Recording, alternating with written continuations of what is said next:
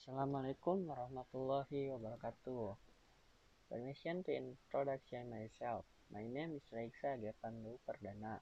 I'm from class PKN 20 B. Permission to ask whether literacy skills can help us understand that the news we read is true or a hoax. Thank you for attention.